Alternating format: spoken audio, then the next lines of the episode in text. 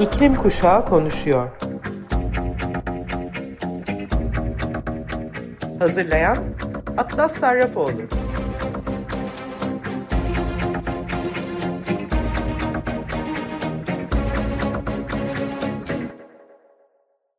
Bugünkü İklim Kuşağı Konuşuyor programına hoş geldiniz. Her cuma 14'te yayınlanan programında bugün yine iklim ve aktivizm konularında son hafta içinde ilgimi çeken konularla karşınızdayım.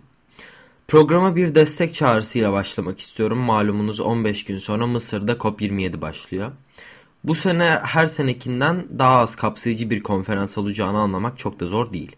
Aktivistlerin çoğu ben dahil olmak üzere hala umutla rozet bekliyoruz. Ancak UNFCC'den hala ses yok. Gidilebilecek olan azınlığımız için de fon sorunu yaşanmakta. Bu sebeple FFF MAPA bir duyuru yayınladı. Fridays for Future MAPA en çok etkilenen kişiler ve bölgeler. Küresel güneydeki Latin Amerika, Asya, Afrika ve Okyanusya yaklaşık 60 ülkeden iklim aktivisti arkadaşlarımızın yanı sıra bazı siyahi, yerli ve yerli halklardan oluşan uluslararası bir kolektif Misyonumuz tarihsel olarak görmezden gelinenlerin seslerini stratejik olarak güçlendirmek ve yükseltmek. En savunmasız toplulukların iklim adaleti mücadelesini vurgulamak ve iklim krizinin e, sahip olduğu tasvir edilen Avrupa merkezli ve sömürge anlatısını değiştirmek için bir platform oluşturmaktır. Ama bir sorun var. İklim kararlılığının alındığı mekanlarda var olmak misyonumuzun olmazsa olmazı. Bu nedenle bu yıl 6-17 Kasım tarihlerinde Mısır'ın Şarm el Şeyh kentinde gerçekleşecek olan 27. Taraftar Konferansı'na katılmak üzere tüm MAPA bölgelerinden 75 kişilik bir heyet bir araya getireceğiz. Ancak bu kopa katılmak aktivistlerimiz için eşi görülmemiş zorluklar yaratıyor. Konferansa girmek için son derece yetersiz sayıda akreditasyondan gecelik 250 euroya kadar çıkan çok sınırlı konaklama seçeneklerine kadar görünen o ki iklim krizine karşı ön safhalarda savaşanlar bir yana konferansa yalnızca en ayrıcalıklı kişiler erişebilecek. Ama bunu değiştirmemize yardım edebilirsiniz. Bu yılki COP27'nin ev sahipliği yapacağı bölgenin mücadelelerini öne çıkarmak için eşi benzeri görülmemiş bir fırsat olduğunu kabul ederek Fridays for Future kapsamında Güneybatı Asya ve Kuzey Afrika ve, Sah ve Sahra Altı Afrika'dan ve ayrıca yerli halklardan aktivistlere öncelik vereceğiz. Bu COP devam eden müzakereleri değil anlaşmaları etkinleştirmeye odaklanacağından COP27 sırasında tanıtacağımız kampanyalar ve anlatılar kayıp ve hasar, iklim finansmanı, iklim tazminatları ve fosil yakıt bağımlılığına son vermesi taleplerine odaklanacaktır. Her bir aktivisti COP'a getirmek için yaklaşık 7 bin dolara ihtiyacımız var. Bu sayıya ulaşım, konaklama, harcıra, seyahat sigortası ve ayrıca işletme giderleri ve öngörülemeyen giderler de dahildir. Bazı işbirlikçilerimizin desteği sayesinde bütçemizin bir kısmını arttırabildik ancak iklim krizinden etkilenen tüm bölgelerin bu alanlarda seslerini yükseltmelerini sağlamak için daha kat e, daha fazla yol kat etmemiz gerekiyor. E, delegasyonu tamamlamak için 294 100 e, bin dolara ihtiyacımız var şu anda. İklim adaleti için mücadelemizde MAPA sesleri güçlendirilmelidir. Aksi takdirde küresel ısınmayı dünyadaki yaşam ve güvenli seviyelerle sınırlandırmayı başarsak bile marjinal topluluklar yine de feda edilecek ve geride bırakılacak. Böylece sorunun sadece bir kısmı çözülmüş, çözülmüş olacaktır. Sesimiz duyulmuyor ama sessiz değiliz. Sadece geleceğimiz için değil, bugünümüz için savaşıyoruz. MAPA iklim aktivistlerini COP27'ye getirmek ve zengin direniş hikayelerimizi güçlendirmek için bize katılın. Eğer siz de Fridays for Future'ın bu talebine destek olmak istiyorsanız sizin için Twitter hesabım üzerinden yani Atlas Sarrafoğlu hesabım üzerinden linki paylaşıyorum. Haberler ile birlikte devam ediyoruz. Geçtiğimiz haftanın en çok konuşulan konularından biri Van Gogh'un Ayçiçekler tablosuna atılan çorba olayıydı. The Guardian'da George Monbiot'un e, eylemden övgü ile bahseden yazısı ve Jeff Sparrow'un iklim aktivistlerinin galeri eylemlerini beğenmiyorsanız siz daha iyisini yapın yazısından sonra iNews'da James Dyke'ın bu eylemle ilgili kısa e, yazdığı bir makaleyi okudum. Tam da benim hislerimi yansıtan bir yazı olduğu için sizinle bazı alıntılarını paylaşmak istiyorum. Geçtiğimiz cuma günü Londra'daki National Gallery'de olanların e, gördüğümde pek çok kişi gibi ben de şok oldum. Olayın video görüntüleri dünyanın en ünlü tablolarından biri olan Van Gogh'un ayçiçeklerinin önünde duran ve üzerine çorba atan iki genç Just Stop Oil aktivistini gösteriyordu. İki aktivist kendilerini duvara yapıştırmak için ellerine süper yapıştırıcı sürerken biri daha değerli olan nedir? Sanat mı yoksa yaşam mı diye soruyor. Yemekten daha mı değerli, adaletten daha mı değerli? Sanat meraklısı olmasam da sanattan zevk alıyorum. Onun nasıl yaratıldığını ve nasıl yorumlanabileceği hakkında gittikçe daha çok şey öğreniyorum. Bu yüzden şoktan hemen sonra bu kültürel ikonun yok edilmesinin neler başarabileceğini anlatmaya çalışırken içimde kısa süreli bir mide bulantısı hissettim. Bu görüntülerden rahatsız olan tek ben değildim. İnternette günlerce bu iki genç kadın cahil, barbar, salak ve terörist olarak tanımlandı. Sanata değer vermedikleri, saygısız oldukları söylendi. Birleşik Krallık Dışişleri Bakanı James Cleverly bile Twitter'da bir çağrı yaparak bu ilgi arayan yetişkin ço küçük çocuklara özlem duydukları ilgiyi vermeyi bırakalım. Ama sonra ayçiçeklerinin zarar görmediğini öğrendim. Justa Boyle eserin camla korunduğunu önceden bildiklerini söyledi. Kısa bir temizlik işleminden sonra ayçiçekleri o günün ilerleyen saatlerinde tekrar sergilendi. Bu yüzden bir sonraki duygum kocaman bir atlama oldu. Sonra kendimi kandırılmış hissettim. Beni kandırmışlardı. Ayçiçeklerinin potansiyel olarak sonsuza kadar mahvolduğunu düşünmemi sağlamışlardı. Ve protestonun daha dehası ve cesareti bence burada yatıyor. Ölü bir gezegende sanat yoktur. Ekosistemlerini daha fazla tarif ederken her yıl dünya atmosferine milyarlarca ton karbondioksit salmaya devam edersek ayçiçekleri gibi kültürel simgeler değersiz hale gelme riskiyle karşı karşıya kalır. Çünkü etrafta onlara değer verecek kimse kalmaz. Belki de bazı gelecek nesiller bu sanat eserlerine tıpkı bizim bugün önceki uygarlıkların hayatta kalma kalıntılarına baktığımız gibi bakacaklar.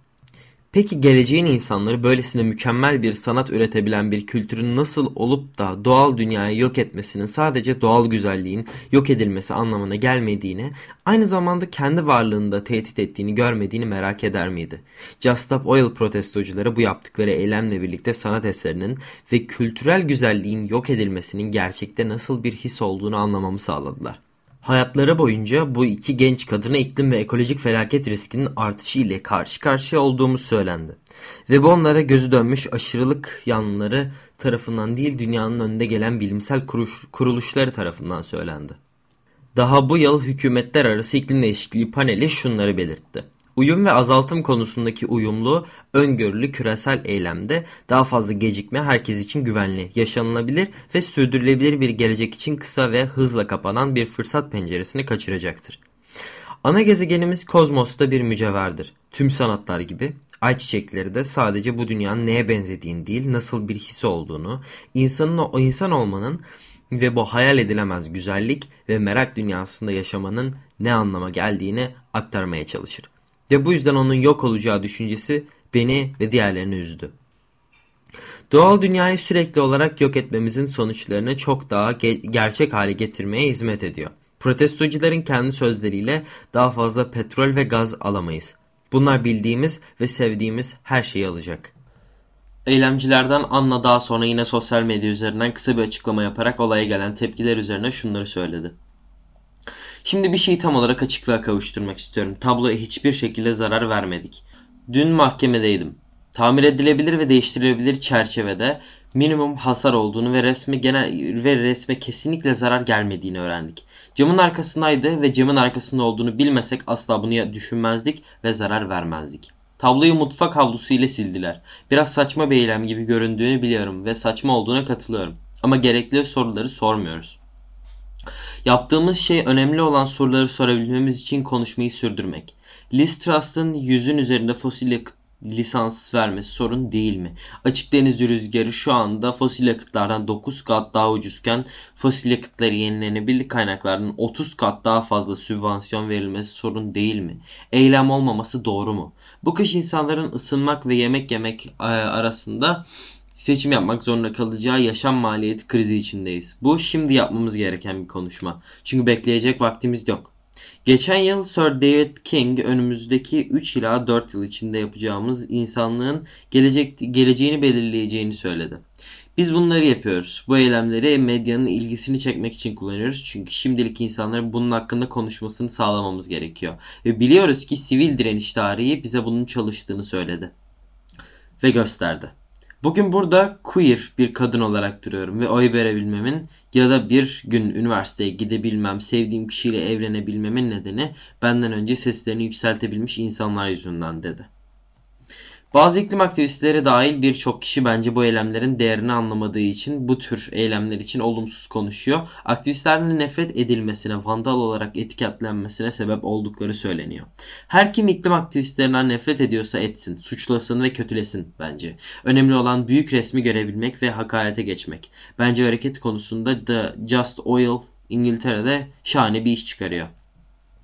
Tabi sadece çorba olayı değildi Just Stop Oil'ın gündeminde. İki köprü mühendisi ve Just Stop Oil gönüllüsü de kraliçe 2. Elizabeth Köprüsü'ne tırmanarak geçişin durmasına sebep oldular. Sosyal medyada çok güzel görüntüleri vardı. Hatta tırmananlardan biri olan Marcus yok oluş isyanından daha önce duyduğum bir şarkıyı söyleyerek kaydını sosyal medyada paylaştı.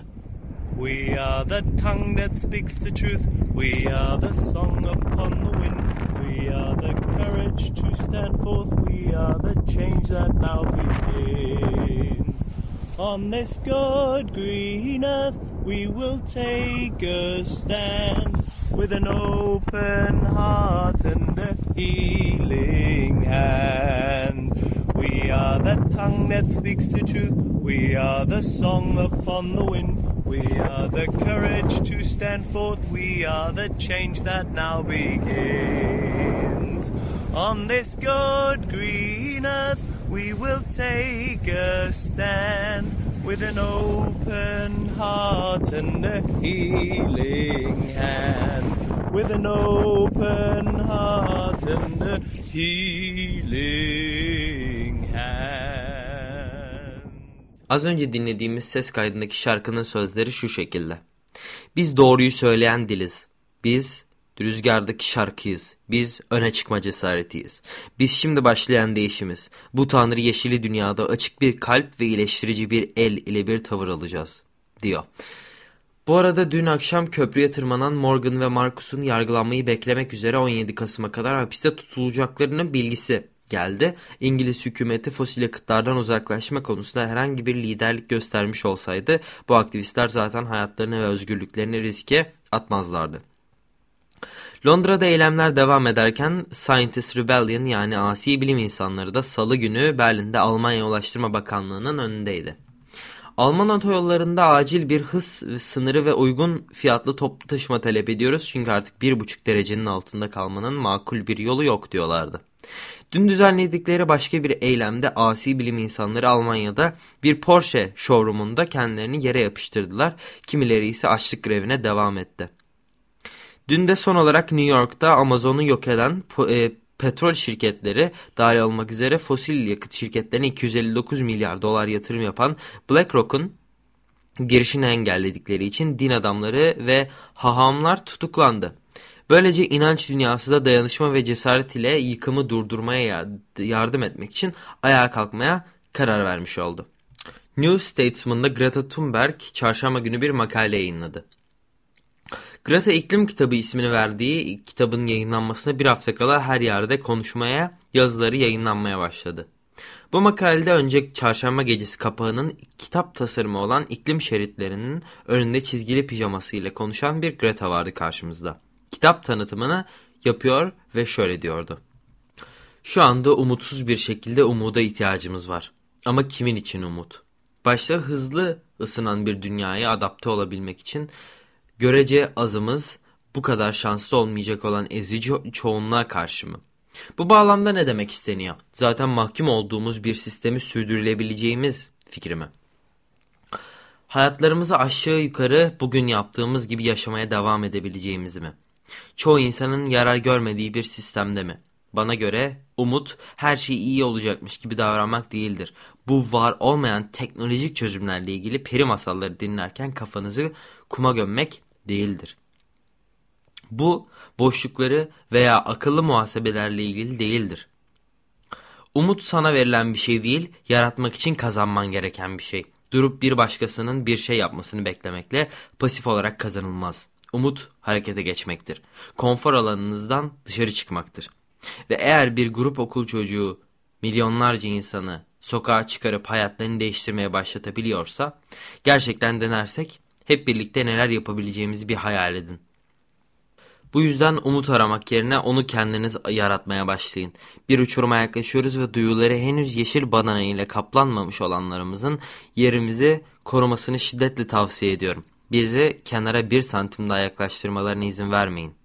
Çizgimiz tam burada ve şu anda. Burası bizim dayandığımız nokta. Son bir buçuk yılımı dünyanın her yerinden insanların uzmanlıklarını ve deneyimlerini paylaşacakları yüzden fazla katılımcı ile bir kitap hazırlamak için harcadım. Bütünsel bir tabloyu iletmek amacıyla bu krizler dünyanın en büyük hikayesidir ve sesimizin taşıyabileceği kadar ve daha da öteye söylenmelidir. Şimdi New Statesman'daki makalesine gelelim ee, Greta'nın.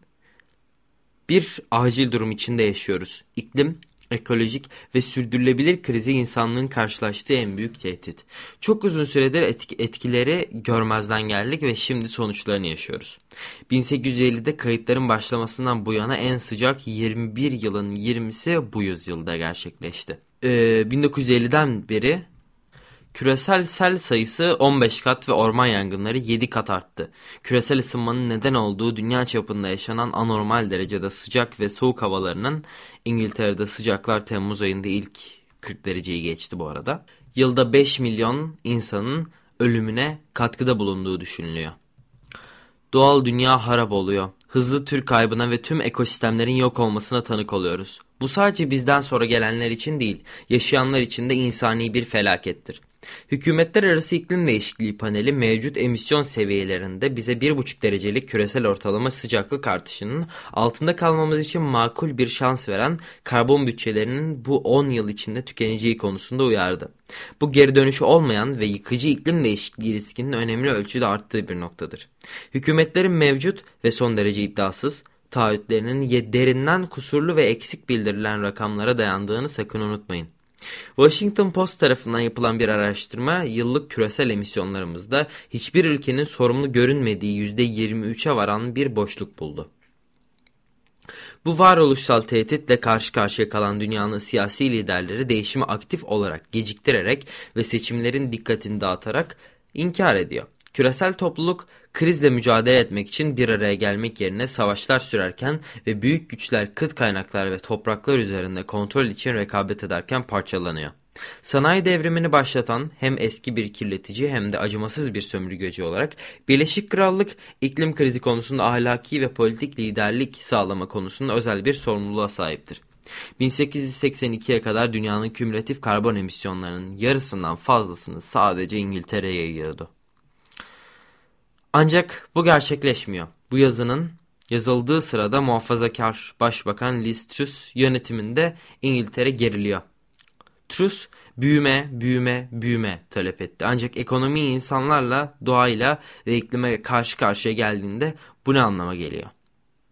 Görevindeki kısa ve sıkıntılı zamanında fracking denilen kaya çatlatma yasasının kaldırılmasını önerdi. Kuzey Denizi'nde petrol ve gaz sondajı için yüzden fazla yeni lisans duyurdu ve İngiltere'nin tarım arazilerinin çoğunda güneş enerjisinin yasaklanma sözü verdi. Yeni şansölye bu önlemleri tersine çevirmek için baskı altında olsa da pek çok şey şimdilik kalacak. Koruyucu yasaları ve düzenlemeleri kaldırmaya çalışan Truss, RSPB'den National Trust'a kadar vahşi yaşam gruplarının doğaya saldırı olarak adlandırdığı şeyi başlattı. Bu ahlaki liderlik değil, bu kendi kendini yok etmektir. Buna ek olarak hükümetin Nisan 2022'de parlamentodan geçen polis, suç, hüküm ve mahkemeler yasası polise kapsamlı yeni yetkiler verdi. Bu yetkiler aktivizmi kısıtlamak için kullanılabilir. Ki bu protestoyu susturmak için başka bir girişimdir. Rahatsız edici sesler yükselince taleplerimizi dinlemek yerine iktidardakiler çaresizce direnişi boğmaya çalışıyor. Bu onları rahatsız etmek için geri dönecek. İngiltere'nin 2050 yılına kadar net sıfır emisyon elde etme konusundaki yasal olarak taahhüdünü yerine getirme planları zaten korkutucu derecede yetersizdi. Ancak mevcut hükümet bunları tamamen terk etmiş görünüyor. Tabii şu anda Truss istifa etti. Son e, geçen haberlere göre, aldığımız haberlere göre şu anki hükümet durumu belirsiz gibi gözüküyor. Şu ana kadar okuduğum haberlere göre tabii ki yanlış bilgi vermemekle birlikte. Aynı zamanda Rusya'nın Ukrayna'yı canice işgali karşısında politika seçimlerini ulusal güvenlik gerekçesiyle haklı çıkarıyor. Ancak artan sıcaklık, yangın ve sel tarafından harap edilen bir dünyada hiçbir şey güvenli değildir. Ukrayna'daki savaşın gösterdiği gibi fosil yakıtlara uzun vadeli bağımlılık sadece otoriter rejimleri sürdürmekte kalmaz. Moskova'dan Körfez'e kadar yayılımcı emellerine finanse eder ve güçlendirir. Dünya yenilenebilir enerjiye geçişi ne kadar geciktirirse gelecek yıllarda getireceği iklim felaketi o kadar büyük olacak ve despotlar ve otokratlar o kadar çok gelişecek. Vladimir Putin'in işgalinden bu yana fosil yakıt fiyatlarındaki artış yalnızca hızlı karbonsuzlaştırma davasını güçlendirdi. Küresel sera gazı emisyonları hala artıyor. Petrol üretimi yükseliyor ve sayısız insan faturalarını ödemekte zorlanırken enerji şirketleri çok yüksek karlar elde ediyor. En kötü sonuçlardan kaçınmak için gerekli değişiklikler hiçbir yerde görülmüyor. Yakın zamanda yapılan araştırmalar 1,5 derecede insanlara eziyeti akıl almaz bir ölçekte garantileyecek olan geri dönüşü olmayan devrilme noktalarından geçme riskini göze aldığımızı gösteriyor. Bugün bile 1.2 derece civarındaki ısınmada insanlar yerinden ediliyor ve hayatlarını ve geçim kaynaklarını kaybediyor. En çok tehdit altında olanlar dünyanın en yoksullarıdır. Nature Sustainability dergisinde yayınlanan yakın tarihli bir rapor, küresel nüfusun en zengin %10'unun 2019'daki tüm emisyonların %48'inden sorumlu olduğunu, en alttaki %50'nin ise sadece %12'sinden sorumlu olduğunu söyledi. 2009'da gelişmiş dünyadaki ülkeler daha yoksul ülkelerin iklim krizinin etkisine uyum sağlamasına yardımcı olmak için 2020 yılına kadar yılda 100 milyar dolar sağlama sözü vermişti. Bu son tarihten yaklaşık 3 yıl sonra bu yetersiz taahhüt bile yerine getirilmedi. Politikacılarımızın özellikle de kendilerini iklim lideri demekten zevk alanların dünya gezegeninin imdadına yetişeceği yansılsamasının terk edilmesi gerekiyor. Politika kisvesine bürünmüş yeşil yıkama ve halkla ilişkiler stratejilerini kullanarak kendilerine yüklenen inanca defalarca ihanet ettiler. Ancak umutsuzluğa kapılamayız. İklim ve ekolojik krizini görme ve konuşma şeklimiz değişti. Kritik bir insan kitlesi özellikle genç insanlar değişim talep ediyorlar. Ve bu olağanüstü hali yaratan erteleme inkar ve gönül rahatlığını artık tahammül edemeyecek. Demokrasi ve kolektif aklın gücüne inanıyorum. Çok geç değil. Olabildiğince çok sayıda yurttaşın içinde bulunduğumuz vahim durumu anlamalarına yardımcı olmak görevimizdir. Hepimiz açıklamak, bilgilendirmek ve eğitmek için daha fazlasını yapmalıyız. Kamuoyu baskısı derin bir değişim yaratabilir. 19 yaşında zaten bozuk bir plak gibi hissediyorum. Ancak iklim eylemi konusundaki mesajı sürekli tekrarlamamız gerekiyor. Çünkü umut gözlerimizi açtığımızda ve kelimelerin güçsüzlüğünü kolektif eylemin gücüyle değiştirdiğimizde başlar. Bu hafta için hazırladığım programın sonuna geldik. Az önce bu arada Greta'nın makalesini okudum sizlere. Programa yeni katılanlar için tekrarlamış olalım. Sizin için bugün Bob Marley'den Sun is Shining şarkısını seçtim. Şarkı güneş parlıyor ama insanın da acı çektiğini unutma diyor. Ben Atlas Sarrafoğlu. Haftaya Cuma 14'te Açık Radyo'nun İklim Kuşağı Konuşuyor programında tekrar görüşmek üzere.